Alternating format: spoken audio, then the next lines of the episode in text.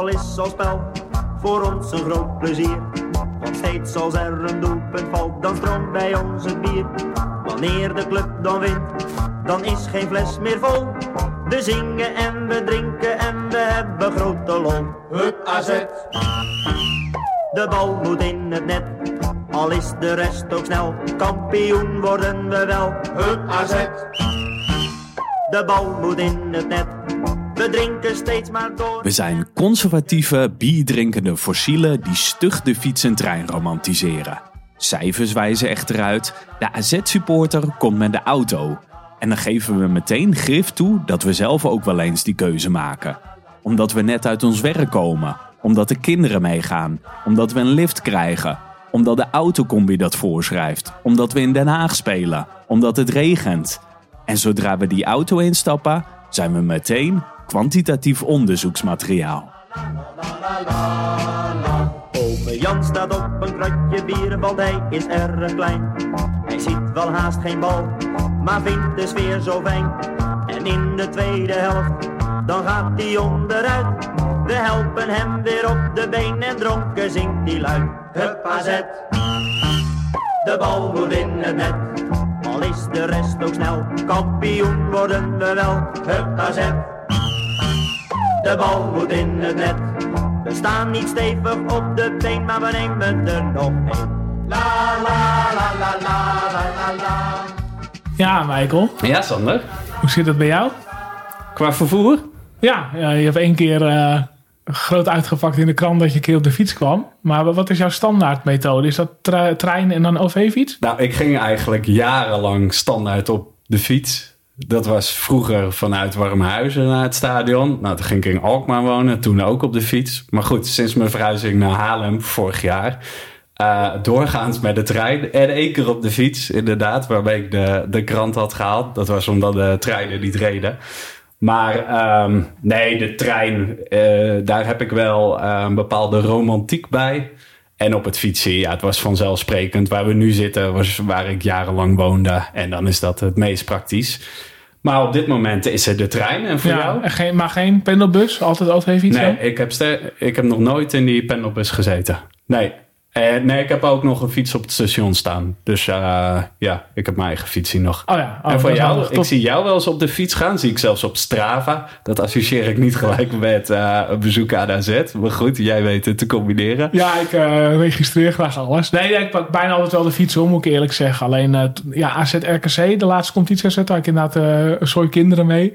Dus toen had ik gelukkig ook... maar ik had toen een mooie parkeerplaats bij het stadion. Dus voor mij was het totaal geen, hoe zeg je dat, belemmering of file of wat dan ook. Dat was gewoon eh, vlot en snel geregeld. Oké. Uh, maar uh, ja, eigenlijk is het bijna altijd wel de fiets. Maar ja, uitwedstrijden, ja, dan heb je ook weer de autocombi's natuurlijk. Um, dus uh, ja, het, het, wisselt nogal. Ja, ik ben altijd wel onder de indruk. Voor mijn gevoel is Castricum best ver weg op de fiets. Maar heb je wel eens na een paar biertjes dat je uh, spijt hebt op de terugweg dat je op de fiets naar huis moet? Of gaat het altijd? Nee, uh, dat nooit. Nee, nee, ik zeg altijd wel voor de gein dat het ook wel een soort hoogtepunt voor mij is. Als na de wedstrijd, als het nog super druk is, hè, dat blijkt ook naar waar we het straks over gaan hebben. Uh, dat je dan op de fiets eigenlijk tussen de auto's door slalomt de, hoe zeg je dat, het industriegebied op. Ja. Dan zitten die auto's echt in de file te wachten. En als je dan handig manoeuvreert, dan ga je een stuk sneller dan hun weg. En dat is ook voor mij echt wel de reden om met de fiets te gaan. Want als ik met de auto zou gaan, dan zou ik later thuis zijn dan wanneer ik met de fiets ga. Ja, we zitten nu... Uh, Vooral na de wedstrijd is dat echt uh, Ja, heftig. dat geloof ik. Daar gaan we het zo uitgebreider over hebben. Uh, maar... Tot zover N is één. Wist je het hele, het hele ritueel al? We hebben nu volgens mij exact een maand geen AZ gehad. Nou, dat is eigenlijk mijn vervolgvraag voordat we naar onze gasten toe gaan. Maar normaal vraag aan de gasten, waar heb jij je mee bezig gehouden op AZ-gebied? Maar wat is dat voor jou? Ja, die sponsoren toch wel. En ook dat hele debat eromheen. Ik vind het wel interessant. Ik vind het heel kansloos dat er Cansino op ons shirt staat. Maar ik vind het ook wel fascinerend dat elke voetbalclub eraan meedoet. Die zogenaamde cultclub Telstar heeft ook een deal met Unibet. Uh, Ajax heeft een deal met Unibet. Elke club heeft een deal met een, uh, een gokbedrijf. Maar wat vind je dan? Verbieden? Of moet de club zelf dan zeggen van, daar willen we niet aan? Uh, nou, ik vind wel dat er strengere regels moeten komen. Als je zo ziet hoe het genormaliseerd wordt om te gokken. Dat heel veel rolmodellen uh, voor de jeugd, dat die gokken promoten. Dat lijkt me niet echt een goede ontwikkeling, niet wenselijk. Maar ik vind het ook gewoon wel een interessant moreel dilemma. En die clubs voelen dat ook. Want AZ had in de bekendmaking twee alinea's over maatschappelijke inzet. Was super vaag, maar blijkbaar voelen ze wel de noodzaak om zich te verantwoorden. En ik ben ook wel benieuwd hoe uh, zo'n deal zich ontwikkelt als over een jaar strengere regels komen. Want daar lijkt het wel uh, op uit te komen. En bijvoorbeeld shirt sponsoring wordt verboden. Zit AZ met een contract van, wat is het, vier jaar. Uh, en dan, ja, zal vast over nagedacht zijn. Maar ik ben wel heel, heel benieuwd hoe dit uh, de komende jaren gaat uitpakken. Wat heeft jou bezig gehouden? Um, nou ja, dit ook wel, maar niet zo heftig als jij, denk ik. Nee, ik, ik, ik merk dat ik wel voor het eerst in heel lange tijd uh, Rijk Alsen naar het competitieprogramma uitkeek en kijk. Oké, okay, hoezo? Nou ja, ik, ik, ik herinner me dat ja, in, zeg maar in de beginjaren of uh, als het echt uh, ja, de eerste jaren van mijn supporterschap. Nou, ik ken ze, ze bijna nog steeds uit mijn hoofd, weet je wel. Dat we, uh, we begonnen thuis tegen Vitesse of uit naar Fortuna of thuis tegen Sparta. Ja, ik weet dat nog gewoon. En uh, ik merk dat ik nu, uh, juist door de afgelopen jaren, dat ik heel erg ga kijken van, oh ja, uh, dan kan ik een weekendje wegplannen. Of dan hebben we die wedstrijd. Of dan kan ik met die afspreken. dat ik dat veel meer heb dan de afgelopen jaren. Ja, maar het is dus ook een beetje om AZ heen plannen, als ik het goed begrijp. Omdat je het drukke leven hebt, dat je je agenda een beetje wil inrichten. Ja, ja, maar misschien nu meer dat AZ meer mijn agenda gaat bepalen dan de afgelopen jaren. Ah, Oké, okay, dan vind je het dus toch ook belangrijker en leuker misschien worden? Nou dat... ja, ik denk dat het ook mee te maken heeft dat je drie, vier jaar geleden er altijd vanuit kon gaan dat je 34 wedstrijden had. Oh, zo. En nu dat het, er zijn dingen uitgesteld en weekendjes weg uitgesteld. Of ja, het weet je, als je een bepaalde wedstrijd hebt die je altijd met die afspreekt. Of bij die uitwedstrijd uh, ga ik met hem uh, daarheen. Ja. Ja, uh, dat heb je ook weer in te halen. Ja, Oké, okay, nou hoe we heen gaan, gaan we het zo uh, verder over hebben. Ja. Ik ga ondertussen even een opener pakken, want dat ben ik vergeten klaar okay. te leggen. Maar jij hebt de openingsvragen voorbereid. Ja, ja zeker. Nou, we, hebben hier, uh, we zitten met z'n vier aan tafel en uh, we hebben gasten die echt van, echt van ver zijn gekomen. die hebben niet meteen direct ook een link met AZ, maar ik zal ze even... Nou, weet je, ik ga ze eerst even voorstellen met de openingsvraag en dan mogen ze zichzelf introduceren. Dennis, waar kijk jij het meest naar uit deze zomer? Ja, echt gewoon weer even goed vakantie vieren. Dat was voor mij al wel lang geleden. En dat wordt waar, wat? Nee, gewoon bij ons... Uh, gewoon echt in de stad uitgaan, uh, aan het oh, meer zitten. En dan hebben we, hebben we het over Groningen, even ja, voor, de, voor de luisteraar. Ja. Anne, waar kijk jij het meest naar uit deze zomer? Um, ik denk naar de dorpsfeesten die we gaan komen met uh, vrienden. Zo. Dus dorpsfeest, welk ja. dorp? ja, ik kom zelf, zelf uit Arem. En eind juli is daar een dorpsfeest en daar kijk ik altijd heel erg naar uit. En die is twee jaar niet geweest, dus dat gaat eindelijk weer door. Oké, okay, cool. Ik, ik, ik, hoor de gasten nu al hard op denken. Maar uh, wie, wie, zit er nu aan tafel? Ja. uh, Dennis, fiets, auto of trein? Fiets. Anne? Fiets. Uh, wat is de meest legendarische wedstrijd die je ooit hebt meegemaakt, Dennis? dat was dit seizoen FC Groningen NEC. 4-3. Anne? Um, ja, AZ Utrecht. Ja, AZ Utrecht, Kijk. ja. Ik leg lekker in de mond, hè. Uh, Dennis, zou je ooit voor een voetbalclub willen werken? Ja, dat lijkt me wel wat, ja. Anne? Um, ik zou wel willen spelen. Niet werken. Oké. Okay. Wat is je favoriete podcast, Dennis? Uh, de Kon Veel Minder podcast van uh, FC Groningen. Anne? Um, die van mij is de Universiteit van Nederland. Uh, wat zou je toekomstige studenten willen meegeven, Dennis? Uh, Oeh, dat is een goeie. Uh, ja, zorg dat je echt een goede keuze maakt voor de studie. Want uh, dat heb ik nu ook gedaan. Dus dat maakt het toch wel heel veel leuker om naar school te gaan. Oké, okay, top. Ja, we gaan je straks introduceren. Kan je ja. dat toelichten? Anne, wat zou jij toekomstige studenten willen meegeven? Ja, dat is echt een goede vraag, ja. Um... Nou, je mag een joker inzetten hoor. Dan ja, ga, ga ik naar de volgende vraag. Uh, Dennis, bewegen voetbalsupporters zich anders dan niet-voetbalsupporters? Ja, 100%. Hoe? Uh, je hebt veel roekelozer en uh, dan merk ik wel dat er al een drankje op, in, op, op in zit. Nou, dat merk je wel. We hebben nu bij het stadion gestaan, maar daar gaan we dus later over verder. Maar ja. dat, dat merkt hij wel echt. Ja. ja. Jij ook zo, Anne? Ja, denk het wel, ja. Welke eigenschap is het belangrijkst, vind jij, Dennis, voor een topvoetballer? ja, discipline denk ik toch wel. Ja, ik wilde ook discipline zeggen. Oké, keurig. Nou, zitten we op één lijn. Welke eigenschap is het belangrijkst voor een scriptieschrijvende student? Heel veel motivatie. eh, ja. En geduld. En eh, vertrouwen in je medestudenten. Oké. Eh, Dennis, kun je onbekommerd kijken naar het WK in Qatar? Nee. Nee. Ja, Anne? Nou, ik... Ja, ik weet niet. Moeilijke vraag. Ja. Ja. Oké. Nou, eh, allereerst, nou, welkom eh, Dennis en Anne. Eh, ik ben steeds met Dennis begonnen. Ik ga nu naar Anne. Anne, stel jezelf maar voor. Nou, ik ben Anne. Ik ben eh 19 jaar. Kom uit Friesland. Ehm, mijn hobby is voetbal. En ik doe de studie ruimtelijke ontwikkeling in Leeuwarden. En eh, nou, we hebben dus een onderzoek gedaan in Alkmaar bij het AZ-stadion. Dus daarom zijn wij nu hier. Ja, keurig nou. Eh, ik had niet mooier kunnen zeggen. Dennis. Nou, ik ben Dennis, 20 jaar. Ik eh, kom uit Groningen. Dus dat is wel een eentje eh, richting Alkmaar waar we nu zitten. En eh, net zoals Anne doe ik ook de studie ruimtelijke ontwikkeling. En wij dus onderzoek gedaan naar eh, de verkeersafwikkeling bij het AZ-stadion.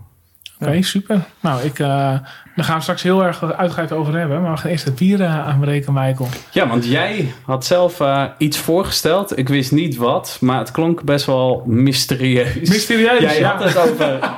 Aan de ene kant had je het over een Castricumse brouwerij, Duindouw. Maar je zei ook, ik heb het zelf gebrouwen. En toen dacht ik, hè, sinds wanneer werk je bij Duindouw? Of uh, moet ik het anders opvatten? Hoe, hoe, hoe, heb je het echt zelf gebrouwen? Ja, nou ik moet eerlijk zeggen, ik uh, ben eerst gewoon naar de bierhut geweest om uh, te kijken van, kan ik iets toepasselijks? Maar ja, ik krijg er altijd te horen als ik kom, ja nee, dat duurt een week om te bestellen. Hè, nu zit ik een beetje in de hoek van studenten of het noorden van Nederland. Nou ja, ik kwam niet verder dan, uh, dat vond ik wel zelf al een beetje platvloers, een uh, klootzakske. Dat is blond bier met ballen. Nou, dat uh, vond ik wel heel eendimensionaal. Maar toen bedacht ik me, ik heb onlangs zelf bier gebrouwen. En een collega van mij op de school waar ik werk, Frank, die, die heeft inderdaad zijn eigen bierenlijn. Duindouw, waar we wel vaker van hebben gedronken. Maar we hebben onlangs met zeg maar, de mannelijke collega's van mijn school. En als je goed kijkt, zie je mij hier ook op het etiket oh, staan. Ja, ik weet niet of jullie ooit op een bieretiket hebben gestaan, maar nee, nee, nou, dat nemen ze me nooit meer af. Uh, hebben we zelf een biertje gebrouwen. Twee sessies. De eerste sessie was nou, alles in een ketel gooien en uh, het moet een tijdje staan. En uh, daarna hebben we ze gebotteld. Dus ik heb al deze flesjes gevuld. Um, en ja, hij heeft de naam van, het heet Hop Hop Helma. Uh, hier zie je een collega Gerard en oh. zijn... Oh, oh ja, voordat je wilde aanrekenen had ik... Ik was nog aan het introduceren, Michael. Dit gaan mijn collega's heel grappig vinden. Want ik zal zo uitleggen hoe je hem even moet openen. Oh. Michael die opent al één biertje die nu uh, voor de helft op de tafel ligt. Um, nee, dit is uh, een collega en zijn echtgenote is vorig jaar overleden. en nou, dat is een beetje een eerbetoon aan haar. En daarom heet het ook Hop op Helma. Um, ja, dat is de naam van het, van het bier geworden. En wij zijn ja, ja. dus ook getekend door de directeur. Dus nou ja, misschien herken je mij Ja, ik zag het. Maar we hebben een school met relatief veel mannen. Dus dat, uh, dat, dat is wel lachen om... Uh, we hebben vorige week zelf eventjes geproefd. En nu als je me de opener wil geven... Want Ja, uh, de betreffende brouwer Frank... die heeft ook gezegd van... ja, het is belangrijk dat je hem eerst eventjes zo open... tot je moet sissen. Zo, vanwege dat effect. En hij zei nu... en nou moet je twee dagen wachten. Twee dagen. Ja. dus, eh, nou, dat vind ik iets te lang. Maar het is wel belangrijk dat je even die druk eraf laat. En dat je hem daarna inschenkt. Dus als je die glazen even hier... eh, Ik dacht, ik heb wel genoeg ervaring met het openen van biertjes. Ja. Maar een beetje zelf. En als deze, als deze nou... Kijk, vanaf nu kunnen jullie het zelf. Dus eh, ik geef hem weer aan jou. Maar het betekent wel dat hij een beetje gaat schuimen. We hebben hem geproefd. Nou, ik... eh, Even wachten. ja. Nou, jezus. ja, ik ben blij dat ik eh, binnenkort dit huis uitga. Want eh, alles stinkt naar alcohol straks. ja, want terwijl je dus aan het klungelen bent met die flesjes, eh, Michael. Vertel eens even dat we hier voor de laatste of voorlaatste keer zitten. Ja, ehm, ik had natuurlijk nog een, nog een huis in Alkmaar. Dat klinkt een beetje als een pandjesbaas. Maar het was gewoon een, eh, een huurwoning in Alkmaar. Maar ik ben natuurlijk gaan samenwonen in, eh, in Haarlem. En een vriend van me heeft dit gehuurd. En we kunnen daar zo nu en dan eh, nog terecht. Maar ehm, ja, uiteindelijk wordt het toch wel een tijd om het Ik zou nu inschenken. Dat is dus de bedoeling, om nu meteen in te schenken. Ja. Ik had niet verwacht dat het zo ingewikkeld zou worden. Maar goed, de huur is nu officieel opgezegd. Dus eh, eind juli moet dit, eh, moet dit helemaal leeg. En dan eh, wordt het toch end of an era. Ja. Waar we toch heel wat... Geen uitvalsbaar. Ja, zeker drie jaar hier gezeten, denk ik, of niet? Ja, drie jaar. Nou, toch korter dan ik van tevoren had verwacht. Want ik dacht, ja, een mooie plek hier. Hier kan ik wel wat jaren slijten. Maar goed, allemaal positieve ontwikkeling verder. Ja. Dat, dat ik ben gaan samenwonen. Maar echt is toch wel jammer. Ook als uitvalsbasis voor de podcast. Eh, Ja, wel jammer. Dus eh, ja, ook nog een beetje een oproep. Hè? Mocht er iemand Ja. zijn met, eh, met ruimte in Alkmaar en omstreken... Om, eh, om zo nu en dan ons de kans te geven om een podcast op locatie op te nemen. Daar zouden wij heel blij mee zijn. Dus, eh, dus neem gerust contact op. yes. Even, heb je voor mij jezelf ook een glas, of niet? eh? Ja, de- oh, die moet ik ook nog even pakken. Een beetje rommelig. Ja, je gaat, zo, je gaat lekker, Michael. Heel goed. Hey, maar ik ga echt even naar Dennis en Anne, want die Ja. zitten nu al veel te lang te luisteren. En die hebben ook een Ja. behoorlijke reis achter de rug. Ehm, ja, jullie hebben dus alle verkeersbewegingen, of vooral eigenlijk de auto's, maar eh, ook al fietsers en voetgangers eh, onderzocht rond het stadion. Ja. Eh, waarom? Ja, waarom AZ eigenlijk? Nou, daar kan ik wel even over beginnen. Want ja, vanuit onze opleiding hebben wij dus een half jaar altijd in een stad in Nederland hebben wij gewoon ja, vijf projecten die dan aansluiten bij, bij onze opleiding. Ja, En dat zijn dus verkeerskundige vraagstukken of stedenbouwkundige vraagstukken. Nou ja, en dit jaar was het dus Alkmaar. En toen kregen wij de keuze om, eh, om dit eh, vraagstuk op te pakken. Omdat Ja. wij samen ook wel wat meer richting de verkeerskundige kant willen later.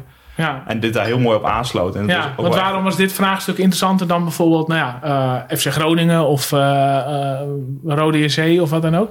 Nou ja, ik had het liever ook voor FC Groningen gedaan. Ja. Maar omdat wij nu dus echt ja, een soort van werden gedwongen eigenlijk om naar Alkmaar te gaan. Dat klinkt ook een beetje slecht. Maar dat was de stad waar de opleiding van dacht van... Hé, we kunnen nu samenwerken met die gemeente. Dus dat gaan we dit jaar doen. Ja, En eigenlijk, ja, als je dan op een voetbalclub kom je automatisch bij AZ uit. Dat is ook wel... dus dat is eigenlijk kort gezegd een beetje de reden hoe wij op, eh, op AZ zijn gekomen. En eh, AZ. weet je ook eh, of bij de gemeente Alkmaar echt de nood hoog was van... er moet nu iemand dit gaan onderzoeken, want dit geeft ons, ons hoofdpijn... hoe het nu elke wedstrijd gaat. Weet je, weet je er iets meer van, de achtergrond? Ja, volgens mij heeft de gemeente Alkmaar sowieso heel veel plannen voor de ring. Want die is eigenlijk een beetje aan het verouderen. Je hebt nog veel kruispunten met stoplichten en dat soort dingen. En eigenlijk was dit een soort van de, ja, de bottleneck van het probleem. Want hier, hier begint het of eindigt het eigenlijk. Want als je vanuit Amsterdam komt, dan kom je hier aanrijden bij het stadion. Dus dit was eigenlijk het begin eh, om dat in kaart te brengen. Hoe dat, zich, eh, hoe dat loopt, zeg maar. Dus ja, Ja. vandaar ook de vraag vanuit de gemeente om bij het stadion te beginnen. want, want eh, wat natuurlijk wel super interessant is, wat jullie eigenlijk al meteen eh, aanstipten, is uh, ja, uh, er is, uh, zijn aardig wat plaatsen bijgekomen. Maar in de omgeving is gewoon niks veranderd, helemaal niks toegevoegd uh, natuurlijk. Dus dat maakt jullie onderzoeksvragen uh, meteen wel wat urgenter. Ja. Want wat wisten jullie al van het stadion? Waren jullie al eens in de omgeving geweest, in het stadion zelf? Of was het echt puur alleen vanwege de opdracht dat jullie eerst eens gingen kijken van... hé, hey, wat treffen we hier eigenlijk? Nee, ik ben zelf al wel een keer met een uitwedstrijd van FC Groningen in het stadion geweest. Maar okay. ja, dan word je natuurlijk onder politiebegeleiding in een bus uh, aangevoerd. Dus dan merk je dat niet echt. Ja, voor de rest, ja, vanuit Groningen kom je hier niet zo snel. Dat is een beetje... Uh, nee. Als je dus bijvoorbeeld uh, op, op vakantie gaat, dan rij je eigenlijk direct naar het zuiden. Dus dan kom je helemaal niet in Noord-Holland of bij Alkmaar. Dus voor mij was ja, soort van gezegd eigenlijk de eerste keer dat ik uh, ja. buiten het stadion En ik denk ook als uitsupporter denk je, nou goed geregeld. Uh, de ja. wedstrijd is, uh, is klaar. We stappen in de bus en uh, we, de, alles, alles, wordt op rood gezet. Ja. En we mogen ja. weer terug naar Groningen. Ja, en dat gaat juist het probleem te zijn, uh, lazen we. dat, dat, was serieus ook mijn gedachte toen ik in die bus zat. Want we, we hadden 1-0 verloren volgens mij. En nou, wij in de bus naar huis, want het was een zaterdagavondwedstrijd. We waren al vrij snel weg bij het stadion. En toen zei ik nog, van, oh, dat gaat wel lekker snel. Dat zijn we ook op tijd thuis. Maar ja, nu weten we ook dus wat het voor de andere supporters ja. allemaal betekent als je dat allemaal op rood uh, gooit ja. en alles afsluit. Dus ja. En jij was alles bij een uh, voetbalwedstrijd geweest natuurlijk. Uh, Anna, jij, jij, hebt geen seizoenkaart of zo nee. voor welke club dan ook. Um, ja, hoe vond je het om, om bij een voetbalwedstrijd of bij een voetbalstadion dit onderzoek te doen? Is dat heel anders dan dat je weet ik het, de logistiek rond een bioscoop of zo onderzoekt? Nou ja, uh, ik kom zelf niet heel vaak bij het stadion. En ik vond het wel interessant hoe alles liep. En dat je ook echt van tevoren zag dat alles ging vastlopen, zeg maar, bij de rotondes. En dat dan na de wedstrijd zie je dat weer gebeuren. En ja, bij een bioscoop heb je dat bijvoorbeeld niet. En dan Nee. komen mensen ook eh, fietsend en lopend aan, zeg maar. Dus Ja. het is wel heel anders. Was het ook anders dan je van tevoren had verwacht? Je zei, eh, ik zag al van tevoren aankomen dat die rotonde eh, vast ging lopen. Verbaasde jou dat? Of Nou, we hadden van tevoren ook al met mensen van de gemeente gesproken. En die hadden inderdaad al aangekaart, zeg maar, waar de knelpunten een beetje zaten. Dus we hadden ons wel al een beetje voorbereid eh, wat we konden verwachten. Dus. En Ja. dat gebeurde ook inderdaad. Ja, ja we hebben even globaal doorgelemen. Ik, ik, ik wilde nog niet alles weten, omdat ik het ook een beetje eh, bleu van jullie hoop te horen. Maar Ja. eh, jullie hebben eigenlijk toegespitst op twee wedstrijden. Echt, go- echt goed onderzocht. Ja. Eh, je hebt met z'n vieren gedaan overigens, hè? ook met Justin en Sander. dus, maar ehm, jullie hebben AZ Jablonets gekozen. Dat is nou een Europese wedstrijd die op donderdagavond om kwart voor zeven werd gespeeld. Dus ja, dat is natuurlijk heel interessant met betrekking tot de avondspits. Ja, dat merken wij zelf eigenlijk ook wel, toch? Als je erheen gaat, eh, dat het best wel, ook al is maar de helft van het stadion bezet, of minder nog, ja, dat je gewoon... Nee, nee, inderdaad. Het, het was een wedstrijd die eigenlijk slecht bezocht was. Maar je merkt toch ook dat er heel veel mensen dan eigenlijk te laat het stadion inkomen. Ik weet niet meer specifiek die wedstrijd hoor. Maar dat zie je wel vaak bij avondwedstrijden. Ook toen we in Den Haag speelden. Dat was wel pijnlijk tegen Man United. Dat de helft van het stadion nog ergens op een snelweg stond. Maar goed, ehm, ja, dat, dat merk je gelijk eh, eh, rond een avondspits. Eh, maar jullie hebben ook een andere wedstrijd onderzocht. AZ Utrecht. Dat was op een zondag. Ehm, kwart over twaalf volgens mij. ja, vrij vroeg. Ja, hoofd wel inderdaad. Ja. Het doen zich allerlei eh, problemen voor. eh, dat het vastloopt. Maar hoe belangrijk is het moment van de wedstrijd? Hoeveel invloed hebben externe fa- factoren als een avondspits en zo? Ja, zeker bij die avondspits merkten we dat het echt wel heel veel, wat jullie ook al aan, eh aankaart, van het waren iets van 9000 supporters of zo, die wedstrijd uit mijn hoofd. Nou ja, en het verschil met die, eh, die zondagwedstrijd en die donderdagwedstrijd viel eigenlijk best wel mee. Qua hectiek en eh, dingen die vastliepen. En terwijl je op die zondagwedstrijd had je 17.000 Ja, voor, mijn- voor supporters, mijn eh, gevoel. Tenminste, als ik zou mogen kiezen. eh, ik zou nooit op donderdag, voor donderdagwedstrijd vanuit Castricum.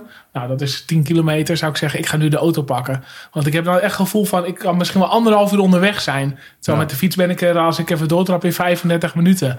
Ja, dus ja, ik, ik snap mensen ook niet die die keuze dan maken, moet ik eerlijk zeggen. Maar wa- wa- wat, eh, wat viel het meest op toen, die wedstrijd? Wat, wat liep het meeste vast, zeg maar? Ehm, eh, nou, eigenlijk bij beide wedstrijden was dat het grootste hectische punt was de Vondelstraat. Ik weet niet of jullie dat... eh, ja. Ja, zeker. Dus ja. even, ja, als je vanuit het centrum van Alkmaar komt en je gaat richting het stadion en je komt langs dat hotel en waar die bejaardenflats nu zijn gesloopt, Ja, daar inderdaad. daar, daar komen eigenlijk de meeste ehm, eh, bezoekers ook eh, die de fiets eh, gebruiken vandaan, toch? Ja, ja, Ja, inderdaad. wat ik ook merk als ik een biertje in de stad drink, weet je, wel, nou, dan ga je over de Vondelstraat erheen, gaat op zich prima. Maar op een gegeven moment, zeg maar bij de wolken ongeveer, ga, ga je als fietser oversteken om eh, door het tunneltje te kunnen. Ja, dat is on- moet je echt bij de hand zijn gewoon, want of, of de auto is bij de hand of jij bent bij de hand en een van de twee wint wel. Maar eh, dat levert wel onwijs, eh, ja, echt een soort bottleneck op eigenlijk. Ja, wij hebben echt, eh, op, zeker op dat punt ook met verbazing staan kijken wat fietsers soms uithalen om, eh, om toch net even voor die auto te schieten. Of, ja, dat was ik denk. ja, dat zou heel goed kunnen. Ja, het is kindergedrag, hè? Want Ja. een paar mensen doen het en uiteindelijk doet iedereen het. En ik vond het wel grappig eh, bij die openingsvragen toen Sander vroeg van wat bewegen voetbalsupporters zich anders dan gewone mensen. Toen zei jij, eh, Dennis, heel beslist, eh, ja, eh, ze zijn roekelozer. Ja. Maar dat is echt dat kuddegedrag. Want als ik op door de weekse dag die kant op moet en AZ speelt niet, dan denk ik nog, zal ik ook even links snel gaan? Maar dan zie ik de drukte en nou, ik ga wel even via het stoplicht. Maar dat, het is puur kuddegedrag. Ja. Zag je dat ook op andere punten? Dat mensen worden beïnvloed door de rest, wat, wat de ander doet? Nou, ja, in principe, de rest waren eigenlijk allemaal punten met autoverkeer. Dus daar had je ook niet echt te maken met fietsers. Maar ook daar merkte je wel dat sommige auto's van, oh, hij kan ertussen, oh, dan kan ik dat ook wel. Weet je. Ja. Maar dat is natuurlijk als je hebt verloren of je wil snel naar huis, dan is ook een- dat een factor wat meespeelt. eh. Maar dat heb je Eigenlijk denk ik bij wel meerdere voetbalstadions. Dat, dat, of überhaupt bij drukke verkeersruimte. Ja, maar ik, ik denk dat wat je noemt van de Vondelstraat, dat het vooral voor de wedstrijd was. Ja, vooral voor de wedstrijd. Omdat Ja. je dus vanuit Alkmaar komt. En dan Ja, moet je eigenlijk heel netjes Moet je de oversteken. Ja, Maar dat, eh, dat gebeurde eigenlijk nooit niet. nee. Dat kon, eh, Nou, dat was knelpunt 1. eh, voornamelijk veroorzaakt door de fietsers. Doordat die eh, raar doen. Ehm, andere knelpunten, wat je je herinnert? Ja, zelf heb ik dus ook bij Kooimeer gestaan. Dus gewoon echt aan de rotonde. En ja, daar zit je dus met, met het autoverkeer... wat wel echt... eh, waar je zeker verbetering kan brengen. Maar dat was dus bijvoorbeeld auto's... als je bij het uitvak aankomt rijden, even uit mijn hoofd...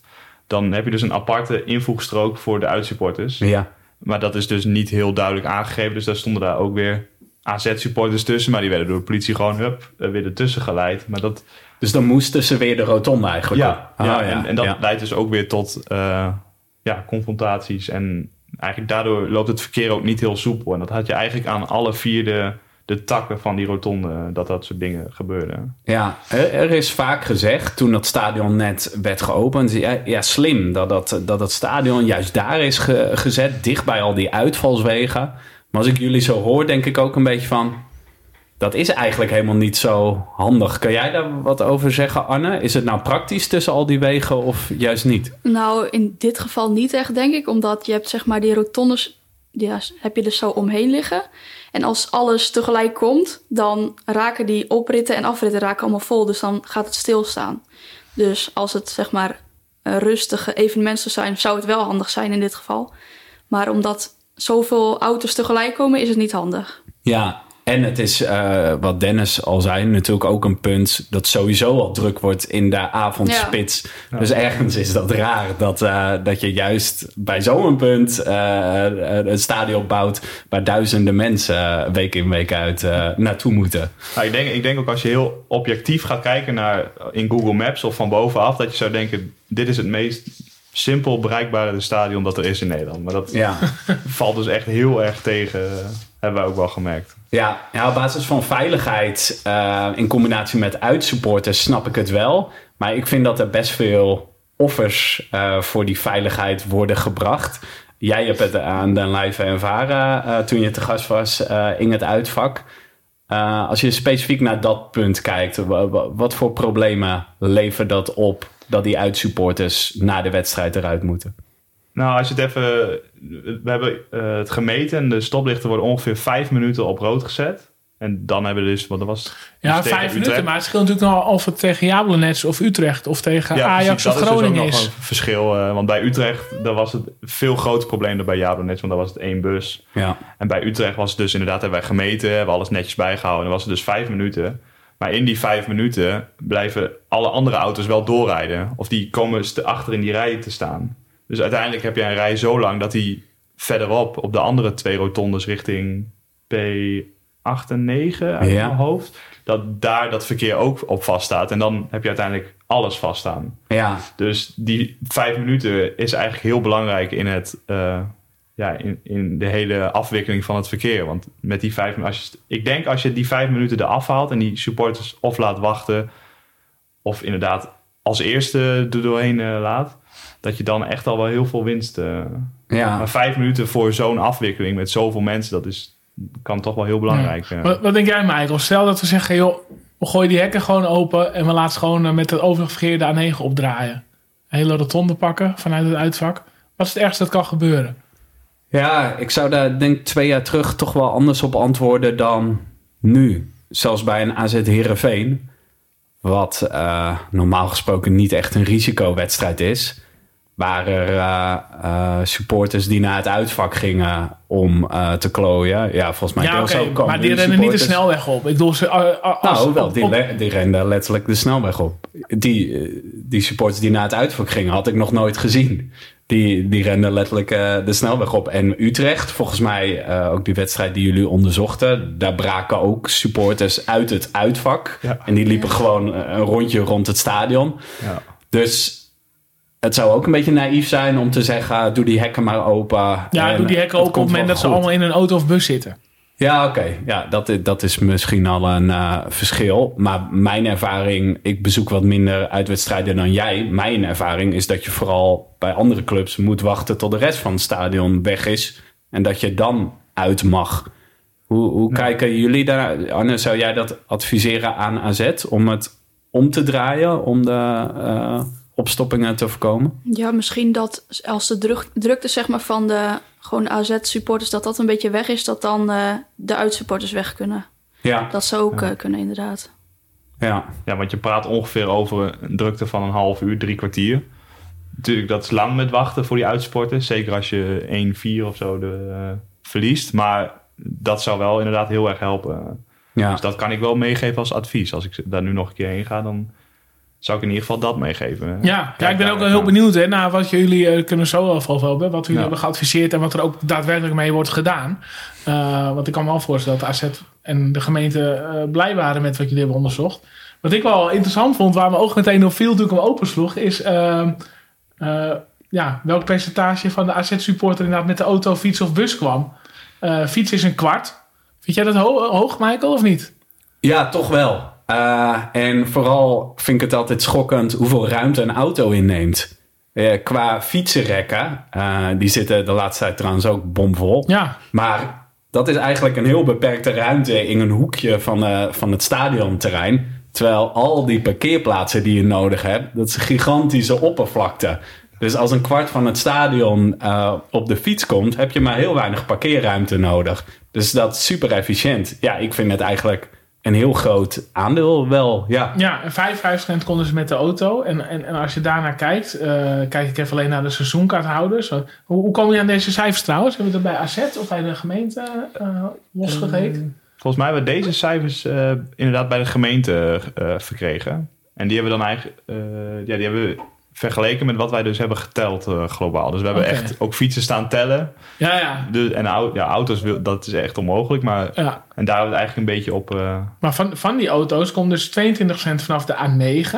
Wat ik eh, voor mijn gevoel relatief laag is. 30% vanaf de N9. En dus 47%, dus bijna de helft vanaf de N242. Dus dan voor mijn gevoel komen die dan ja, uit, vanuit Herugewaard. En andere oorden ten noorden Ja, en dat viel oosten van Alkmaar. Dat er relatief weinig. eh, het was ook nog uitgesplitst in seizoenkaarthouders en Ja, ik clubkaarthouders. kijk even naar seizoenkaarthouders. Want clubkaarthouders komen wel weer allemaal vanaf de A9. Ja, dat zijn de dagjesmensen Ja. uit de rest van het land een keertje naar AZ willen. Waarschijnlijk voor AZ Ajax of zo. Ja, maar, Maar ik vond het echt hele bijzondere cijfers. Ja, dit was volgens mij wel uit 2016. Het is gebaseerd op eh, eerder onderzoek van AZ zelf. En jullie zijn inderdaad met een nieuwe telling... eh, zijn, hebben jullie daarop voortborduurd. Maar die eh, splitsing tussen seizoenkaarthouders en clubkaarthouders... misschien ligt die verhouding tegenwoordig wat anders. Maar ik denk wel dat je kan concluderen... dat het publiek over het algemeen best wel regio-gebonden is. Zijn jullie het daarmee eens? Ja, dat hebben we volgens mij ook als conclusie getrokken. Dat inderdaad, omdat het zo'n regiogebonden club is, het toch ook wel gek is dat heel veel mensen met de auto komen. Maar aan de ene kant snap je het dan ook wel weer. Als je bijvoorbeeld op een donderdagavond, dan is het auto natuurlijk gemakkelijker. Maar we hadden dus ook als conclusie getrokken inderdaad van dat AZ wel echt een regiogebonden club is. Eh, ja. Ja. Oké. En, en Michael die komt uit Haarlem. Hè? Wat, wat zou je, stel Michael zegt op een gegeven moment, nou, eh, ik koop een mooie auto. Wat zou je hem adviseren als hij met de auto komt? Waar moet hij parkeren? Ja, moet hij vroeg komen? Eh, wat, wat zou je denken dat voor hem handig is? Ja, zou sowieso vroeg komen, inderdaad. Ja. Ja. Maar is het, kan Maar het gedrag van de, eh, van de mensen in het verkeer, kan dat opstoppingen voorkomen? Want net werd al van de fietsers genoemd. Dat zorgt echt voor opstoppingen. Eh, kan je ook als automobilist door bijvoorbeeld eerder eh, te vertrekken of nou, langer te blijven hangen na een wedstrijd, dan kan je toch ook al veel meer de drukte spreiden? Ja, en het scheelt ook eh, als je zeg maar van tevoren weet waar je moet parkeren. Dus er waren bijvoorbeeld mensen die hadden dan kaarten voor P8. Maar dan wilden ze het stadionterrein op en dan moesten ze weer achteruit de rotonde op en dan moest alles weer stilgezet worden. Ja, dan kom je niet Ja. door die Ja. slagbomen inderdaad. Ja. Ja, oh, dan staat er zo'n eh, boze steward eh, terug, weet je. Dan, ja, of moet je een heel rondje al rond het stadion? Ja, want dat, precies. dat kan je dan ook krijgen. Dat Ja. kost ook allemaal extra tijd. Dus. Ja, Ja. Dus het zou dan echt in de bewegwijzer in Ja. eh, zitten. Maar Ja. dat zou je toch ook vanuit AZ met, een, eh, met communicatie wel moeten kunnen oplossen, toch? Als je een ka- kaart hebt voor P8, dat je een speciale tekst krijgt met let op, hier moet je parkeren en niet voor het stadion. Ja, je krijgt natuurlijk ook wel een overzichtje of een plattegrondje. Alleen als je daar bent en je moet een bepaalde voorsorteerstrook doen en je komt er voor het eerst. Ik kan me Ja. voorstellen dat je er wel raakt. Maar Ja. het was ook een van jullie eh, adviezen om die eh, bewegwijzering Ja, of ja, die borden aan te passen. Maar ik heb zoiets van, ja, hartstikke goed dat jullie het adviseren. Alleen, ja, waarom heb je hier vier studenten nodig die een onderzoek voor doen? Ja, dat had Astrid zelf toch ook wel kunnen bedenken in 2006, lijkt Ja. mij. Ja. Ja, wij hebben er zelf ook een beetje eh, ja, om moeten lachen. Want wij zijn dus ook in gesprek geweest bij AZ. We zijn er ook geweest. En toen vroegen wij of er al een bestaand verkeersplan was.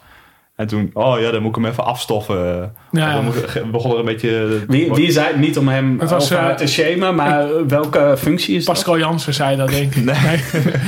Nee, dat was... eh, ehm, hij ging over de, de veiligheid eh, rondom de wedstrijden. Was het Rob Koning of was het een nieuwe? Ik denk de nieuwe dan. eh, Dat was, was volgens mij nieuw inderdaad. Marcel van der Holst. Ja, inderdaad. Ah, ja. ja. Ja, dus die werkte nog niet zo lang. Maar dus om- op onze vraag van, eh, hebben jullie al een verkeersplan, werd er eigenlijk een beetje gelachen en niet echt. Ja, ja. Dat je denkt van, als een professionele voetbalclub mag daar toch wel eh, iets op hebben. Ja, wat is dat zo? Want ik zit helemaal niet in die hoek natuurlijk. Professioneel gezien heeft normaal gesproken een voetbalclub een verkeersplan. Nou, ik denk sowieso bij een evenement wat zeker twee keer, of, nou één keer, twee keer in de maand terugkomt met zoveel mensen, mag je dat wel verwachten. eh, Ja, oké. Inderdaad. Ja, en toen, ehm, nou, jullie waren een beetje verbaasd. Ja. Er is geen plan. Nou, er is geen plan. Er was Oh. wel iets, maar dat moest nog afgestemd worden met de gemeente. En er was nog wat oneenigheid. Maar ja, misschien voor de sport ook wel leuk als ze dan nu weer naar het stadion gaan. Moet je eens een keer opletten hoe de borden eruit zien. Dan Ja, gewoon in wat voor staat ze zijn en hoe, wat ze aangeven. Ik denk dat ze dan wel begrijpen dat dit al wel een manier kan zijn om, om met eh, ja, een, eigenlijk een vrij goedkope oplossing toch wel iets, eh, iets te veranderen. Maar wa- wat Sander al zei, ja, het is toch ergens raar dat niemand bij AZ, bij de gemeente, daar al initiatief toe nam. Van, hé hey jongens, eh, de be- eh, bewegwijzering mag wel een keer Ja. geüpdate worden. Ja, dat, dat vinden wij zelf ook wel. Maar ja, dat hebben wij niet, eh, we weten niet wat de achterliggende reden daarvoor is. Nee, Dus, nee. Nou, wat ik me herinner, ik weet niet of jij nog een beetje de opening van het stadion paraat hebt. Dat was in 2006. Ehm, ik woonde toen nog in Amsterdam, dus ik ging toen wel wat meer met de auto dan nu. Zeker de late Europese wedstrijden. Eh, ja, dat was toen helemaal een drama om weg te komen. En ik had toen een trucje, die nu echt niet meer werkt, om hem eh, eigenlijk in, ja, in over die eh, te zetten. Dus dan kon je vrij makkelijk te voet weer komen. En dan kon Ja. je heel makkelijk, ja, zigzaggend de wijk uit. Door bij, en dan kon je bij de McDonald's uit. En dan kon ik Ah, vanaf ja. daar en 242 A9 zo erop. En dat ging heel snel. Toen was ik snel thuis. Maar ja, dat had na een half jaar hadden heel veel mensen dat door. Dus toen stond ik als, alsnog in de file. Maar eh, die doorstroming om weg te komen was toen nog erger dan dat het nu is. Dus, Nou, is dat zo? Want eh, volgens mij las ik ook in het rapport dat, eh, dat het juist veel erger is geworden, de opstoppingen, ten opzichte van 2006 door de algemene drukte op de ring en zo. Klopt dat? Ja, dat is inderdaad wat wij ook eh, in ieder geval hadden geconcludeerd. Omdat meer mensen tegenwoordig een auto hebben. En het stadion is uitgebreid. En eigenlijk al dat soort factoren spelen natuurlijk ook mee met dat het nu drukker is geworden. En dat gaf AZ zelf ook aan. Van, hè, nu is er wel echt... Nu moet er wel echt iets gebeuren. Want normaal gesproken bij een voetbalwedstrijd is het altijd druk. Dat kan je verwachten. Je staat in de file. Maar nu begint het toch wel echt op een, op een, eh, ja, een hoogtepunt te komen, zeg maar. Ja, want jij, jij, jij bent natuurlijk ook, eh, je gaf net al aan, je wou het er niet over hebben, maar je hebt een seizoenkaart voor FC Groningen. Ja, ja, Nou, we gaan even over de sportieve prestaties van FC Groningen het afgelopen eh, half jaar hebben. Nee, Nee, maar nee, dat- even een beetje een verkeersdeskundige oog. Ja. En eh, wat, wat viel jou het meest op in verschil tussen Groningen en AZ? Als je daar aankomt en als je hier aankomt. Ja, bij Groningen heb je. ehm, ja, ligt het stadion dus niet omringd door drie snelwegen. Dat is sowieso al één ding wat bij AZ echt uniek is. Je hebt het station erbij natuurlijk. Dat ook nog, Ja. inderdaad. Dus je hebt heel veel mensen die ook gewoon vanaf het hoofdstation de trein pakken naar eh, het station Europa Park en dan lopend naar het stadion gaan. Dat is twee minuten ongeveer. Maar ik heb ook heel veel het gevoel dat Groningen sports ook veel meer op de fiets komen.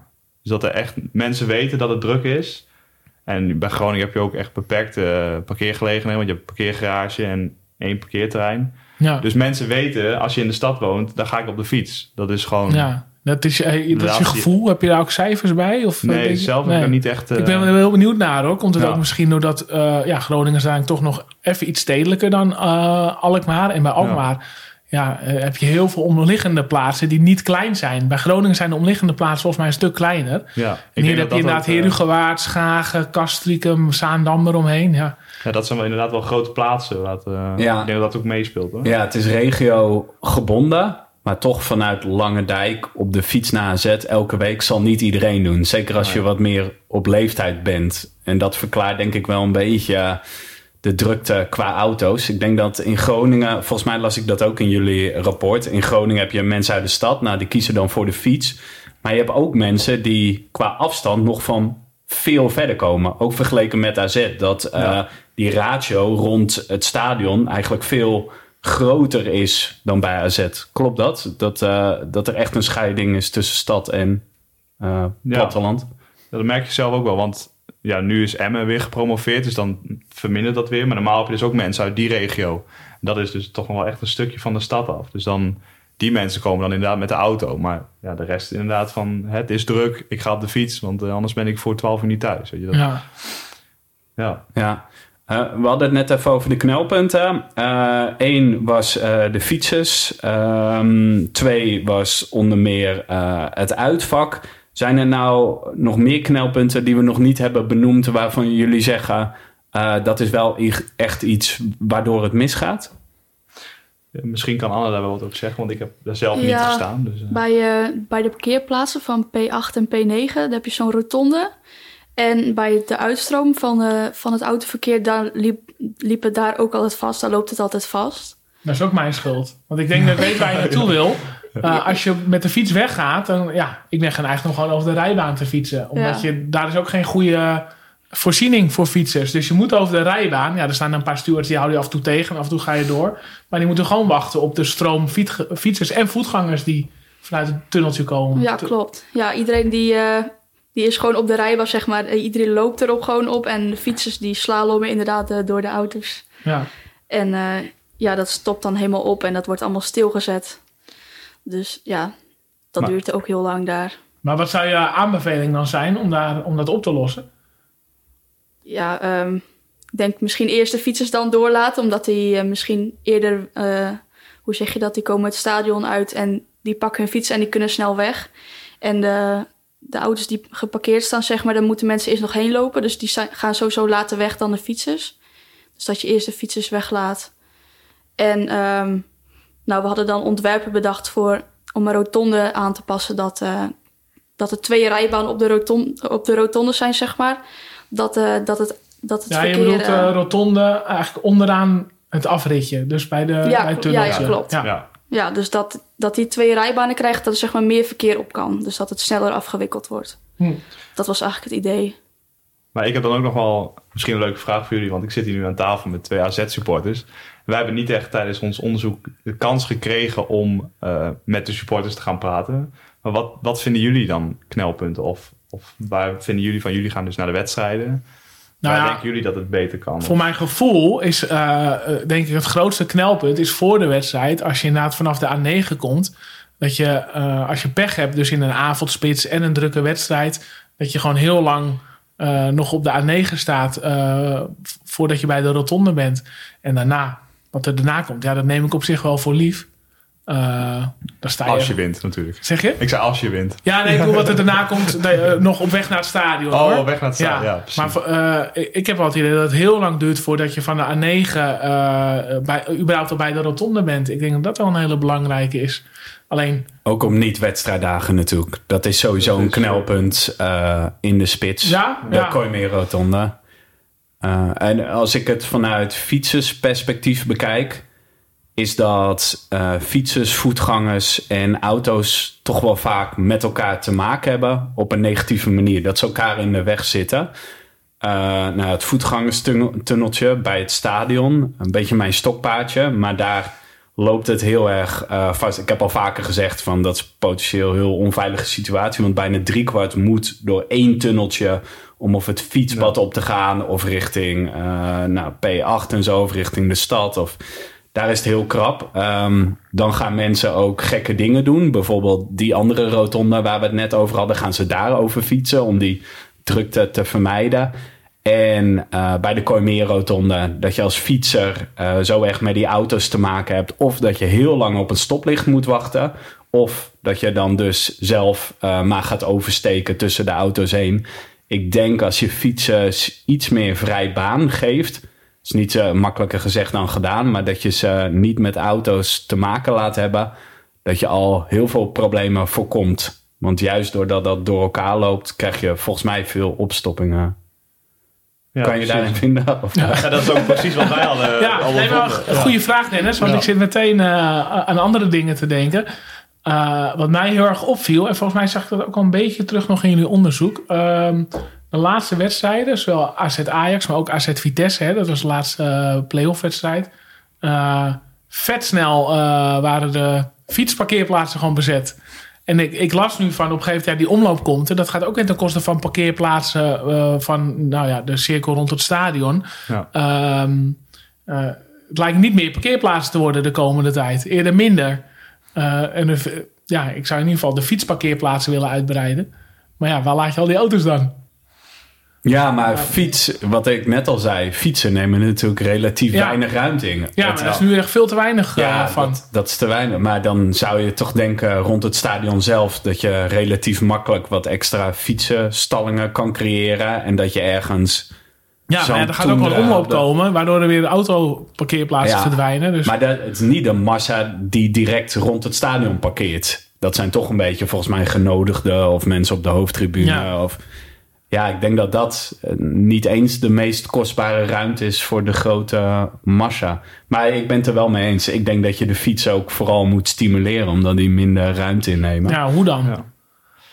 Minder parkeerplaatsen. Dus dat als mensen dat weten, van hè, kan zijn dat ik niet kan parkeren. Oh, dan ga ik maar op de fiets. Dat is een beetje zo'n Jip Janneke taal, Ja, wat wij dan leren op school, zeg maar. Ontmoedigingsbeleid Ja, eigenlijk. Precies, ja. Ja. Hey, en eh, OV. Ehm, er gaan eigenlijk, eh, ja, zijn natuurlijk mensen op de fiets die vanaf het station komen. OV-fiets of zoals ik, ik heb daar een fiets staan. Ja. Sommigen gaan met de pendelbus. Zou AZ het nog meer kunnen stimuleren om met het openbaar vervoer te gaan, zodat die parkeerplekken eh, minder bezet zijn? Ja, misschien dat er zeg maar betere voorzieningen voor het openbaar vervoer komt. Want nu is het zeg maar, dan heb je die pendelbussen en die stoppen daar onder dat eh, viaduct. Ja, En dat stopt ook weer helemaal op en het is onveilig. Mensen steken over gewoon. Dus als ze bijvoorbeeld eh, nou, bushaltes of zo aanleggen, dat zou al een stuk veiliger zijn. En eh, dan kunnen er misschien ook meer bussen rijden. Ja, dan misschien die bushaltes op het terrein van AZ zelf. Dus misschien aan die omloop of die weg die er omheen loopt, misschien daar. Ja. Dat je die bus ook echt van de weg afhaalt en dan de supporters eruit. Want nu staan ze dus nou ja, om dat viaduct en dan iedereen eruit. En dan heb je één grote massa aan auto's, fietsers, voetgangers, wat allemaal door elkaar loopt. En ja, dat is eigenlijk ook het eerste wat wij leren met onze opleiding, dat je dat wel moet scheiden. Oké. Die, eh, ja. Ja, want, want jullie eh, hebben nu al ook een paar suggesties genoemd en, en wij ook. Eh, wat zijn eigenlijk voor jullie de belangrijkste suggesties die je hebben genoemd eh, in, het, eh, in jullie verslag? Qua eh, vernieuwingen en dat soort dingen? Ja, Of, gewoon eh, aanbevelingen, advies. Ja. Ja, een van de, de dingen die het eigenlijk het meest ook terugkomt in het gesprek, merk ik, dat zijn dus die fietsers. Ja, En eigenlijk is die oversteek op de Vondelstraat is al, als je dat verhelpt, dan kan je al heel wat doen. Dus wij hebben daar in ieder geval een ontwerpje voor gemaakt om een dubbelzijdig fietspad aan de kant van het bokrestaurant te doen. Zodat je sowieso die oversteek eruit haalt. ja. En dat scheelt denk ik echt al wel heel veel.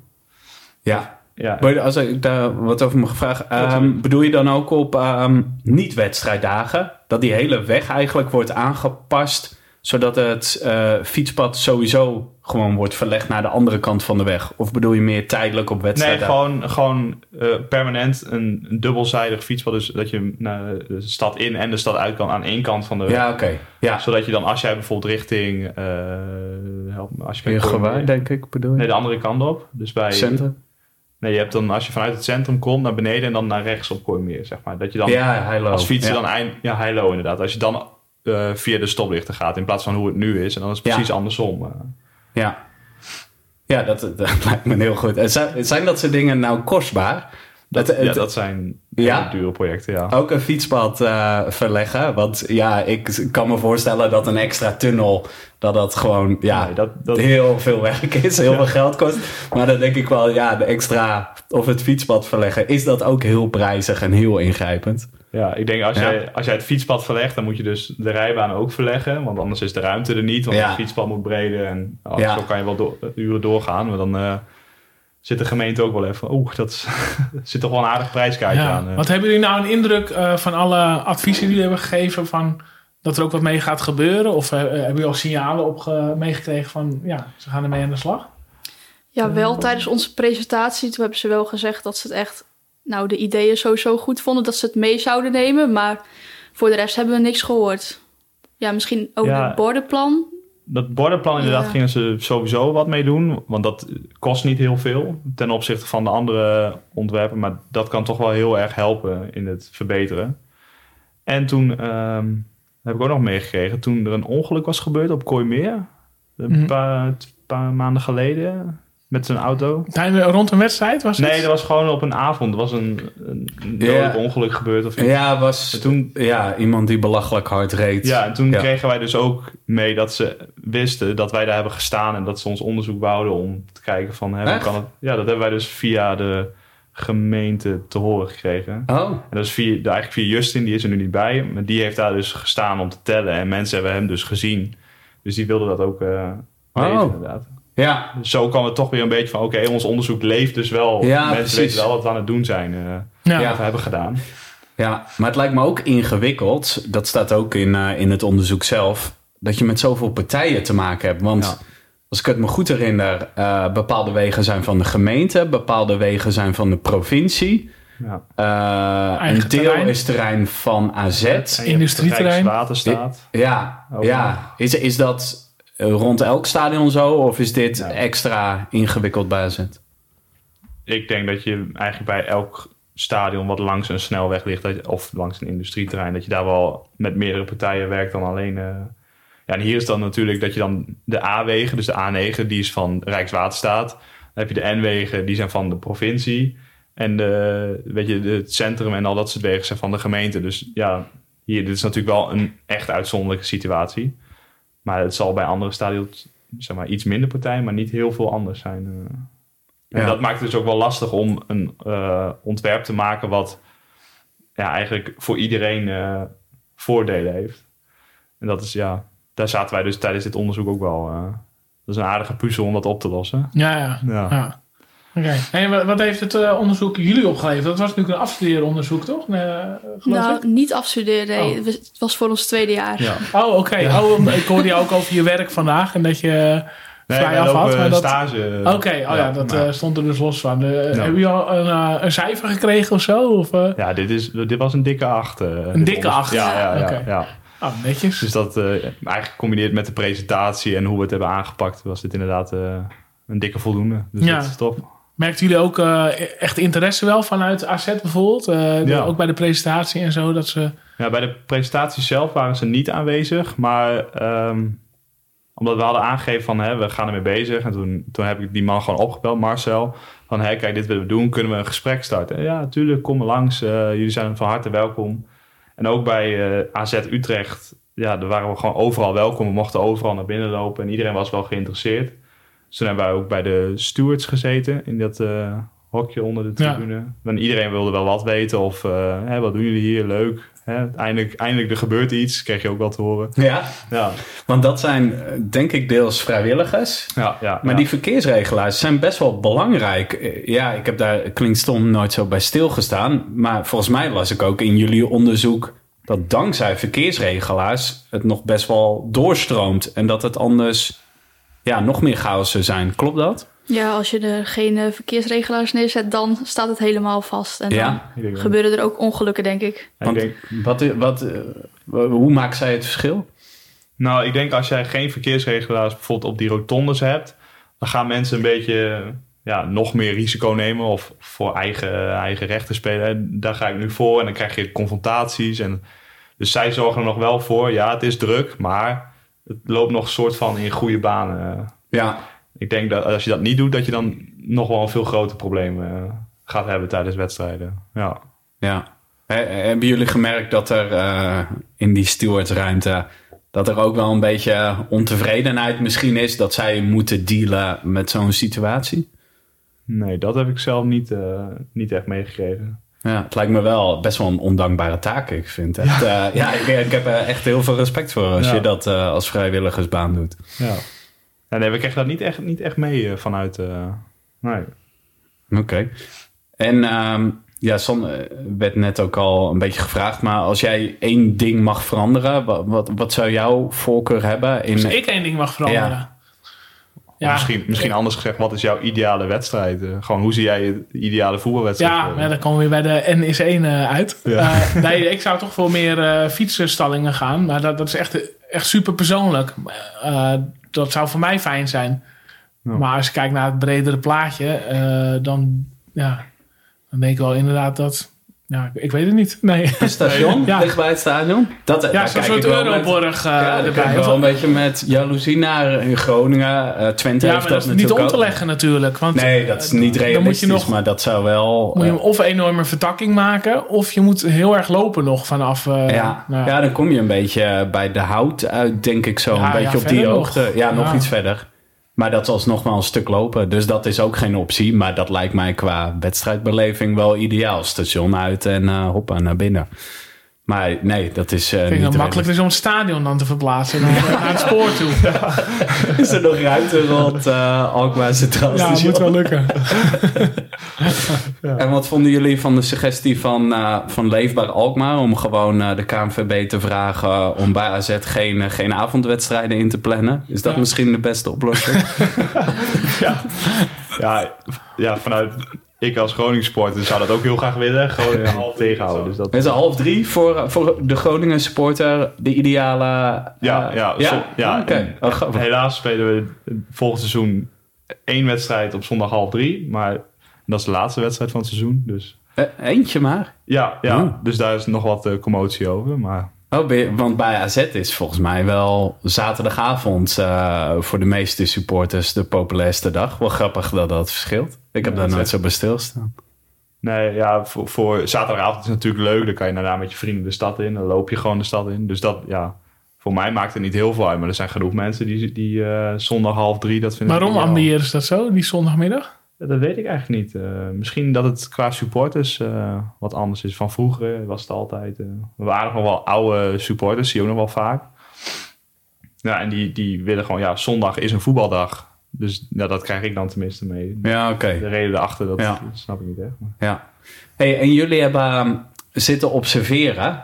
Ja, jullie zeiden al, nou, fietsen zijn vrij roekeloos. Zijn jullie nog andere dingen opgevallen? Eh, of op verkeersgebied, maar misschien ook buiten verkeersgebied. Het is ook een soort antropologische actie die jullie hebben ondernomen. Waren er nog dingen die jullie echt opvoelen, die anders waren dan in Groningen bijvoorbeeld? Nou, ja, ik heb dus bij Kooimeer gestaan. En dit is al eerder teruggekomen in deze podcast. Dat was dus dat de Utrecht supporters aan het uitbreken Ja. waren bij het uitvak. Ja, daar heb ik maar met verwondering naar staan kijken wat voor, eh, wat voor mensen daartussen liepen. Maar ik stond wel aan de andere kant van de rotonde. Maar ja, ja dat krijg je toch niet eh, elke dag mee. eh.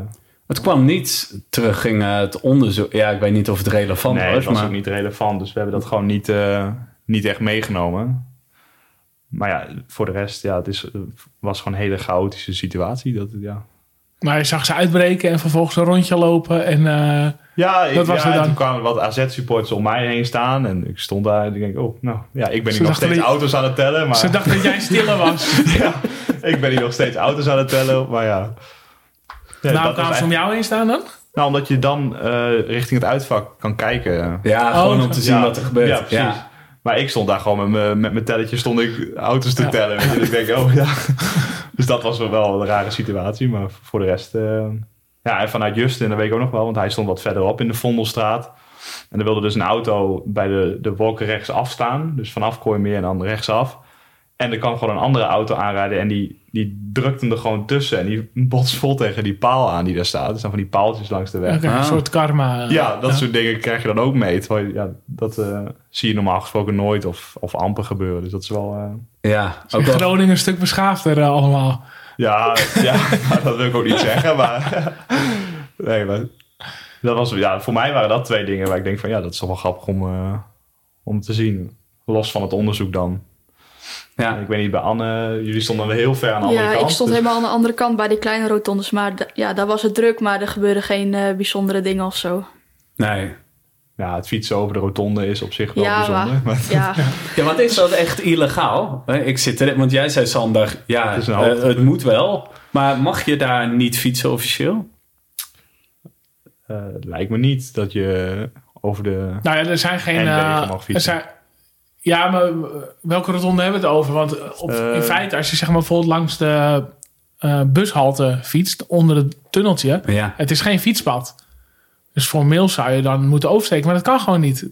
Je hebt gewoon geen uitweg als fietsen. ja, dat is ook wel heel Want raar, ja. Je, Ja, parke- je parkeert bij, eh, nou je hebt dat bord natuurlijk hè, met al die Europese bestemmingen. Nou, daar, is- daar heb je zo'n hele rij eh, fietsplekken.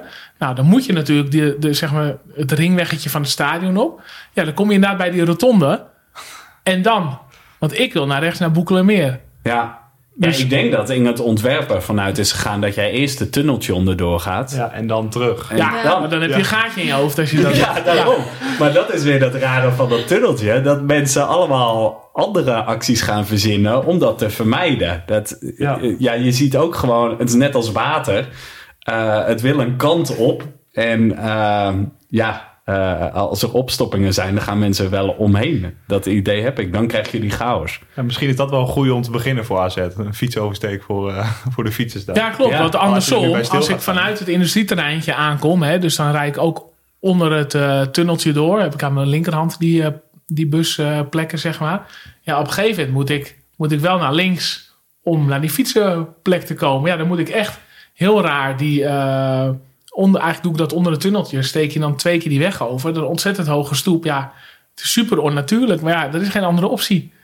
Dus daar hebben ze niet echt goed over nagedacht. Nee, eh, hebben jullie je wel eens verbaasd over ehm, zeg maar de huidige situatie? Het, het stadion is in 2006 geopend. eh, dat jullie dachten van, hè, wat was hier het idee achter het ontwerp? Of is het allemaal redelijk normaal en overdrijven we?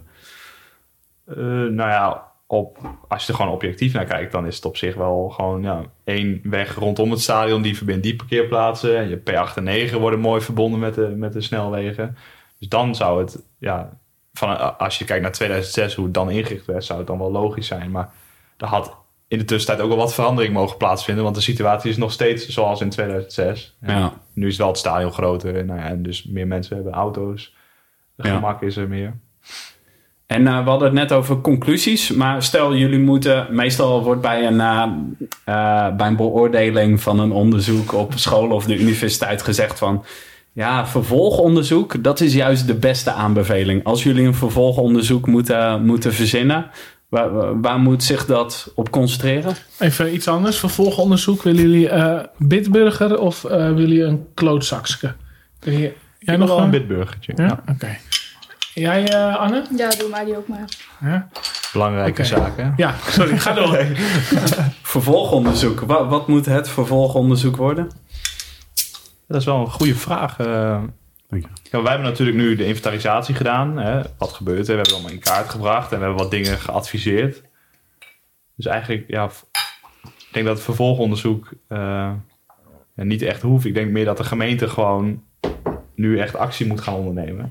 Ja, Want ik, weet ook, ik zou ook niet 1, 2, 3 weten waar je hier nu een vervolgonderzoek op moet doen. Van, ik denk als je dat gaat doen, dan krijg je weer dezelfde resultaten. En misschien ook eh, dezelfde onder, ontwerpen, zeg maar. ja, het is gewoon heel helder wat jullie hebben geconcludeerd. Ja, Aan de slag. ja. Nou, duidelijk. Ehm, jij antwoordde net ook van... het lijkt me wel leuk om voor een voetbalclub te werken. In welke rol? Ik denk als eh, een beetje wat ik nu met mijn studie doe en dan combineren met, eh, met een voetbalclub. Ja, het maakt niet uit welke, maar gewoon, Eh, eh, Bestaat dat al bij clubs? Dat, eh, ja, ik weet niet wat voor dat coördinator of iets in die richting. Ja, het valt dus kennelijk onder de veiligheidscoördinator. Ja. Ja, ja, en die bestuurt dan weer de stewards en dat soort dingen aan. Maar ik denk als je daar een functie voor maakt, dat dat nog best wel potentie heeft. Ja, ik denk ook, er, is, er wordt zo vaak over geklaagd bij AZ. ehm, in heel veel opzichten. Mensen die eerder ehm, het stadion uitgaan als de wedstrijd nog bezig is. Mensen die eh, zogenaamd niet naar het stadion gaan omdat ze niet in de file willen staan. je zou ook zeggen, het kan zich uitbetalen als je zo iemand aanneemt en die kan echt gewoon dingen veranderen. Die heeft een budget daarvoor of die heeft goede contacten met de gemeente. Ja. Dan zou je dat ook wel kunnen terugverdienen, zou je zeggen. Ik heb het idee dat het soms een beetje een ondergeschoven kindje is bij, bij AZ of bij clubs in het algemeen. Ja, ik denk, denk zelf inderdaad ook dat je daar wel. eh, zeker dat je mensen eh, ja, een betere voetbal. Ja, ervaring geven met AZ en dus dat je meer supporters kan trekken naar het stadion. En dat is natuurlijk de meest winstgevende factor voor een club. eh. Ja, hoe voller je stadion, hoe beter het gaat. Ja. We wilden eigenlijk in de openingsvragen nog de vraag stellen: ehm, wat is het mooiste stadion dat je hebt bezocht? Als je daarnaar kijkt vanuit de blik van een professional, waar is het nou echt perfect geregeld? Zelf zeg ik dan de Allianz Arena in München. Maar die is natuurlijk echt gebouwd en berekend op de capaciteit. En dat is helemaal op aangepast, zeg maar. En hier zijn natuurlijk ook wat factoren veranderd. Maar dat was wel echt eh, de ultieme voetbalervaring. Hoor. Want in, in welk opzicht is dat, is dat zo goed? Gewoon heel veel capaciteit op die wegen, bedoel je dan? er li- liggen grote wegen naast. Bijvoorbeeld als je naar Italië gaat of eh, op ski kom je er meestal wel langs. En je hebt natuurlijk hele grote parkeergarages naast het stadion en onder het stadion. Dus dat, ja, dat geeft toch wel dat je dan... En je kan je auto dicht bij het stadion parkeren en je kan makkelijk wegkomen. Dus dat, Ja. dus dat zou ik zelf zeggen. als- Zit er ook een station naast? Nee, dat niet. Nee. Jammer. Toch niet dat ultieme stadion. Heb jij wel eens gehad, Sander, dat je ehm, ergens te gast was in een stadion dat je dacht van, wow, dit is wel echt goed geregeld, goede, goede ervaring. Ja, pff, weet ik niet. Ik, ik, ik denk dat als je het vanuit het oogpunt van verkeerskunde kijkt, dan ja, moet je toch echt wel ver buiten de stad eigenlijk liggen. Weet je, dan heb je zo'n eh, Olympique Lyon. Ja, dat, wat ik me herinner is dat het het allerlaatste tramhaltertje was waar we dan uit moesten stappen en dan ga je erheen. Maar omdat het gewoon, omdat er verder niks omheen is, of die van AC Milan, weet je wel, ja, die is ook ver buiten de stad. Ook het eind, eind, eindstation van een metro. Ja, dat is wat dit betreft het beste. Maar Ja. ik ga toch liever naar een Adelaarshorst. Zeg maar. Ja, ik wou net zeggen, dat vind ik toch wel mooier eh, Ja. voetbalervaring inderdaad. Ja. En eh, jij, Anna, eh, volgens mij antwoordde jij op die vraag van Sander in het begin van... Ja, ik zou wel willen werken voor een voetbalclub, maar al- als speler. Ja, Doe je zelf aan voetbal? ja. Op, op, op, welk niveau? Eh, laag niveau. Oké. VV Arem. ja, ja, echt. nee, ja, nou, vroeger wilde ik wel eh, ja, gescout worden zo.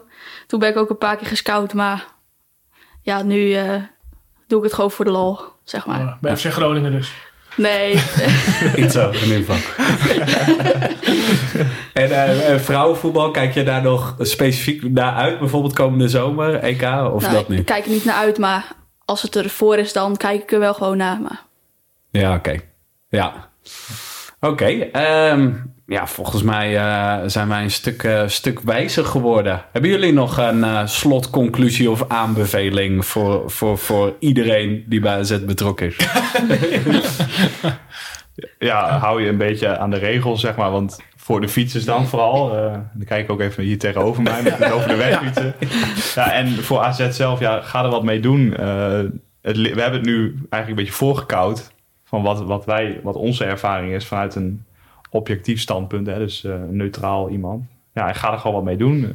Weet je, dit is, wij, dit is het advies dat wij meegeven. Dus eh, kijk of je het misschien eh, wat beter kan uitwerken of iets in die richting. Maar het ligt er nu, dus eh, ja.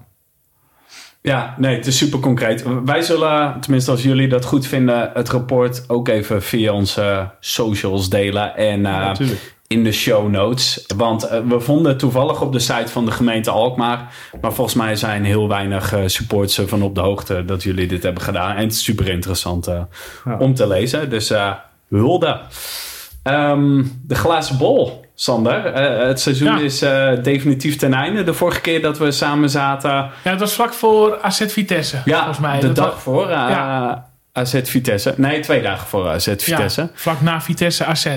Ja. Dat is trouwens, dat lijkt echt een eeuw geleden. Sowieso die wedstrijd ook. Ik weet niet hoe jij die ervaren hebt. Of, Nou, dat is zo raar, want wij waren behoorlijk negatief. En dan zal je zien dat net die laatste wedstrijd... dat je een gala voorstelling krijgt en dat je Europa in gaat. En maar iedereen ik, ik merkte ook van, al, ja, van alle kanten al, maar de hele wedstrijd al. Het leek wel alsof er een hele andere, hoe zeg je dat, mentaliteit op de tribune heerste. En ik dacht, is dit nou AZ? Het, iedereen is zo positief en enthousiast. En eh, ja, ik kwam echt super vrolijk thuis ook. Ja, Mag ik daar misschien ja. ook op inbreken trouwens? Want eh, ja, ik, ik heb dus vrienden wonen, die wonen in Arnhem. En ik was dus bij de uitwedstrijd voor AZ dan. Ja, En ik heb toen ook nog gezegd, als AZ zo gaat voetballen, dan worden jullie echt van de mat gespeeld. Nou ja, en dat bleek dus ook. Dus Want dat wat bedoel je met zo? ja je merkte het bij Nou, de wedstrijd in Arnhem al. ja, dat merkte ik al van, Ik natuurlijk, eh, Ik denk dat AZ eh, Vitesse dat zelf ook al merkte. ja, dat Want zeiden die vrienden vond- van mij ook inderdaad. Ik had Eh, namelijk enorm het eh, gevoel, zeker als je het uitvak van Vitesse zag tijdens die wedstrijd, dat ze echt heel gelaten al waren van, nou ja, dit is het dan. En ze werden al melig op een Ja, gegeven moment ook, ja. van ze gaan Europa in, weet je wel. Dus ehm, ja, ik, ik vond dat heel wonderlijk, want ik had verwacht dat ze super gefrustreerd zouden zijn. Maar ze leken het al ingecalculeerd te hebben, dus misschien dankzij eh, Maar die, eh, toch was nog een verschil van dag en nacht tussen die uit- en thuiswedstrijd. Wat zag je dan in die uitwedstrijd waarvan jij dacht: wow, eh, eh, dat, dat gaat zich nog wel uitbetalen? Nou, ik, ik vond zelf Vitesse niet heel gevaarlijk. En alles wat AZ deed eigenlijk, leidde to- toch wel tot een gevaarlijke kans. Of, of nou ja, een bal op de lat toen nog. En nou, dan heb je nog zo'n zo'n afstandsschot of afvallende bal die er dan invliegt. Maar ik kreeg toch wel echt sterk het gevoel van, hè, als... Kijk, het is dat Openda die bal er nog inschoot. Maar anders was het, zeg maar, op basis daarvan denk ik van, ja...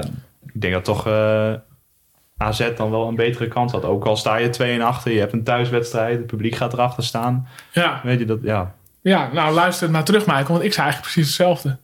Ja, ik, ik, ik zei iets heel anders. Ik weet nog dat ik zei van, eh, nou, het wordt sowieso geen makkie en eh, het wordt tot de laatste minuut Nee. spannend. Nou, het tegenovergestelde was waar. Ik heb wel de traptechniek van onze SLO eh, kunnen bewonderen. Ja, die heb je naar me doorgestuurd via, Ja. via WhatsApp.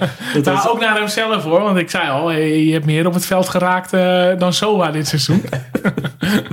ja, dat was eh, rond het uitvak. ja, Maar- we vrezen, ik even voor jullie informatie, we vreesden een beetje voor de Den Haag tafereelen, zeg maar. Omdat het veld werd bestormd na de wedstrijd. Maar er waren, dan zijn er altijd types die naar het uitvak gaan. Maar onze SLO die stak er persoonlijk een stokje voor. En bij één iemand deed hij dat niet. eh en had Siriakos trouwens ook. Maar bij één iemand gebeurde dat niet zachtzinnig. Of nou, gewoon met een welgemikte trap. Die eh, behoorlijk werd toegejuicht. Eh, Toegejuicht. Ja, wie? althans, ik hoorde iedereen ent- enthousiast erover. Oh, Oké, ja, dat was een goede trap. Ehm, over gele kaarten en andere grove overtredingen gesproken. Eh, Dani de Wit, eh, dat was een van de hoofdpersonen in, eh, in onze glazen bol competitie. Hoeveel gele kaarten heeft hij uiteindelijk gekregen? Acht. Eh, en eh, andere vraag was speler van het jaar volgens de AZ Fanpage eh supportersverkiezing. Is Owen Wijndal uitgekomen en het toeschouwersgemiddelde dit seizoen was extra leuk tussen aanhalingstekens vanwege de coronaperikelen. Was de laatste vraag die we stelden. Eh, ik ga even jou eh, voor de gein nog even jouw antwoorden erbij pakken, Sander. Eh, speler van het jaar, Carlson had je genoemd. Ehm, nou ja, niet eens een hele rare gok, maar niet goed. Gele kaart voor Dani de Wit. Acht, precies ja, ja, goed. Tuurlijk. Respect. Ja, toeschouwersgemiddelde was je iets te optimistisch. 14.500. Maar juist op dat punt zat ik heel erg in de buurt. Ik zei 10.500 en ik zat er 450 naast. Vond ik zelf wel netjes. Gele kaarten Dani de Wit, zei 10 en speler van het jaar Klaasie. Maar uiteindelijk de grote winnaar afgetekend Eswin Kramer. Eswin of Aswin, daar Ja. moeten we nog achter komen. Ken je hem? Nee. dus- Nee, maar we gaan hem eh, ontmoeten. Ja, Owen Wijndal, speler van het jaar, had hij goed. Gele kaarten, Dani de Wit zat hij eentje naast. En toeschouwersgemiddelde zat hij heel erg in de buurt. 10.990. Toeschouwersgemiddelde was uiteindelijk 10.055. Ehm, ja, eh, respect. Eh, gefeliciteerd Eswin. Die krijgt eh, van ons als cadeau een, een wedstrijdje in de Skybox van Rodi Media. Sander, kan ik dat aan jou overlaten? Of Ja. moet ik het doen zodat iemand in 2028... Nee, hoor, nee, ik gun Eswin komend seizoen een plekje in de Skybox. En wij tweeën ernaast, denk ik dan. Dus dat gaan we even regelen. Ja, toevallig had Rodi Media ook, waar, waar we de uitzending mee begonnen, mijn parkeerplaatsen geregeld. eh, toen ik mijn eh, zoontjes mee had naar eh AZ RKC. Oké. Dus eh, dat, dat kan ik trouwens iedereen aanraden. Om lekker eh, meteen naast het stadion te parkeren. En dan wel een beetje op tijd, maar dat was heel luxe. Ik vind het jammer dat het toeschouwersaantal van Eus niet is uitgekomen. De 131.000. Ja, maar dan krijgen we wel veel opstopping Ja. eh, op de regel. Hoop verkeersregelaars nodig. Wordt echt te druk. ja, wat denk Ja. je? Volgend seizoen weer een glazen bol competitie of gaan we het, eh, gaan we het anders Ja, doen? ik vind het wel leuk. Ja, ik weet niet of we het weer op de gele kaarten van Dani de Wit moeten gooien. Maar het toeschouwersaantal, dat is wel echt wel eh, natte vingerwerk.